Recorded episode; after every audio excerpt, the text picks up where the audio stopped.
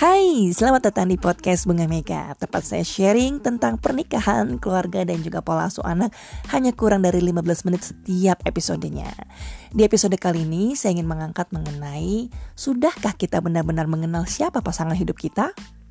Relationship is always and been my favorite topic. Kenapa? Karena pelajaran hidup tentang ini banyak banget ya untuk saya pribadi. Dari saya yang dikadalin terus sampai saya yang jadi kadalnya. Listeners pasti pernah ya membaca buku-buku psikologi populer. Salah satunya menurut saya cukup famous yaitu adalah Men Are From Mars, Women Are From Venus. Sebuah buku psikologi populer biasanya suka mengangkat tentang cara berpikir, cara bertindak berbasiskan gender, perbedaan laki-laki dan perempuan itu seperti apa. Berdasarkan riset tahunan, berdasarkan survei, ya kan? Sehingga bisa memberikan banyak sekali insight tentang perbedaan yang mendasar dari cara berpikir kita sebagai perempuan, cara bertindak kita sebagai laki-laki. Namun saya pribadi berpikir bahwa hubungan percintaan itu terlalu kompleks ya jika ditilik dari gender saja. Setuju gak sih? Karena selain gender yang berbeda, setiap kita sebagai manusia kan unik. Pun punya juga kepribadian berbeda-beda. Jadi udah gendernya beda, kepribadiannya beda, dan satu lagi nih yang jarang mungkin diangkat ya di dalam buku psikologi psikologi populer yaitu siapa kita, siapa pasangan kita sebagai produk budaya dari keluarga kita sebelumnya. Bagaimana sebuah pola asuh dan lingkungan mendominasi mindset seseorang dan kepribadian seseorang lebih dari sekedar hanya berbasis gender. Mengenali bagaimana seseorang diajarkan membangun belief system, bagaimana juga ia dibesarkan, dan pengaruh lingkungan tempat ia bertumbuh, ini bisa menjadi sebuah highlight dibanding cuma sekedar berkata, ah dasar kau laki-laki mah emang gitu. Atau ya namanya perempuan semuanya sama, baperan. Konon dikatanya ya, konflik di dalam pernikahan itu ada tiga, yaitu tentang uang, seks, dan juga in-law ataupun keluarga ipar ataupun mertua ya. Tentang uang dan seks saya nggak bahas deh. Sekarang mari kita bahas dulu dari mana pasangan kita, dari mana suami dan istri kita ini brojol ke dunia. Pernah dengar pastinya ya tentang istilah bibit bebet bobot. Betul banget, karena itu sendiri sangat-sangat berlaku. Orang yang kita nikahi adalah produk budaya keluarganya.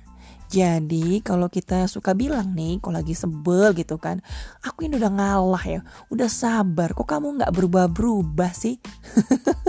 itu kadang-kadang saya juga kalau lagi apa ya pasti namanya dalam pernikahan pasti ada konflik ya ataupun ada kebiasaan-kebiasaan yang sungguh sangat menyebalkan sekali so irritating jadi saya suka berpikir siapa saya ya yang bisa ngubah-ngubah pasangan. Pertanyaannya, berapa persentasenya juga saya berubah dari dulu hingga sekarang. Jadi daripada saya selalu berpikir menuduh si dia nggak berubah-berubah, pertanyaan itu saya balikin lagi ke diri saya. Saya sendiri berubahnya sebanyak apa? Kalau belajar tentang metode Montessori, uh, pasti tahu tentang istilah absorbent mind. Jadi kalau ada yang belum tahu apa sih ini Montessori, bisa googling deh tentang Maria Montessori. Ini salah satu metode belajar ya yang anak saya gunakan waktu zaman dari umur satu setengah tahun, yaitu ada tentang fase absorbent mind. Ketika dari usia 0 sampai 6 tahun, seorang anak nih fungsi otaknya lagi menyerap semua informasi yang dilihat dan dirasakan dan dialami tanpa filter. Jadi sudah pasti informasi, kebiasaan, didikan di usia ini tuh sudah mengambil posisi yang paling mendarah daging ataupun sudah ada di dalam alam bawah sadar. Mari kita lanjutkan lagi di masa sekolah, masa remaja dengan perkiraan hingga usia 17 tahun atau 18 tahun pasangan kita berada di rumah sebelum akhirnya mungkin kuliah dan merantau. Terlepas dia tumbuh dengan orang tua kandung ataupun dengan kerabat keluarga ataupun dengan nenek kakek semuanya sama ya. Jadi kita lagi membahas tentang bagaimana dari usia 0 sampai 18 tahun ini semua tindak tanduknya ini sudah terekam di alam bawah sadar dan sudah menjadi sebuah karakter, sebuah habit yang dibawa sampai sekarang dalam pernikahan. Intinya, masa-masa krusial itu sudah didominasi oleh ya tadi ya, orang tuanya atau kerabat keluarga membesarkannya, lalu budaya dan kepercayaan-kepercayaan ditanamkan. Dan anyway, orang tuanya juga nggak sempurna loh. Ya nggak sih? Mertua kita kan bukan orang yang sempurna.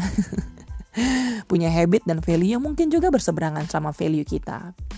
Jadi kalau sudah menikah dan kita berharap kebiasaan-kebiasaan buruknya, sifat-sifat buruknya dari zaman menikah, eh dari zaman belum menikah itu terkikis secara otomatis karena kita sudah menikah.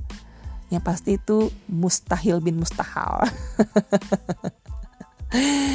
buat saya sih yang bisa dijadikan bahan renungan buat kita semua yang sudah menikah, baik yang menikah masih baru ataupun sudah lama, yaitu nggak pernah berhenti belajar tentang potensi konflik potensi konflik yang terjadi di dalam hubungan pernikahan kita berdasarkan isi tas ya.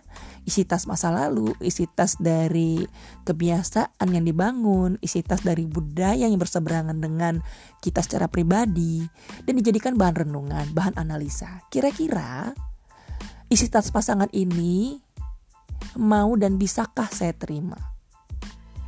Ingat ya kuncinya adalah mau dan bisa diterima bukan bisa diubah karena saya selalu percaya bahwa perubahan itu adalah jatahnya yang di atas.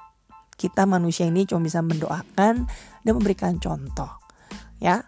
Jadi kita harus bisa selalu mengenali cara komunikasi pasangan kita dengan keluarganya, kenali juga kebiasaan um, mertua kita, ipar kita. Karena apa yang kita lihat dari pasangan kita, ya tadi itu produk dari kebiasaan dan budaya yang ada di rumahnya sebelumnya ya.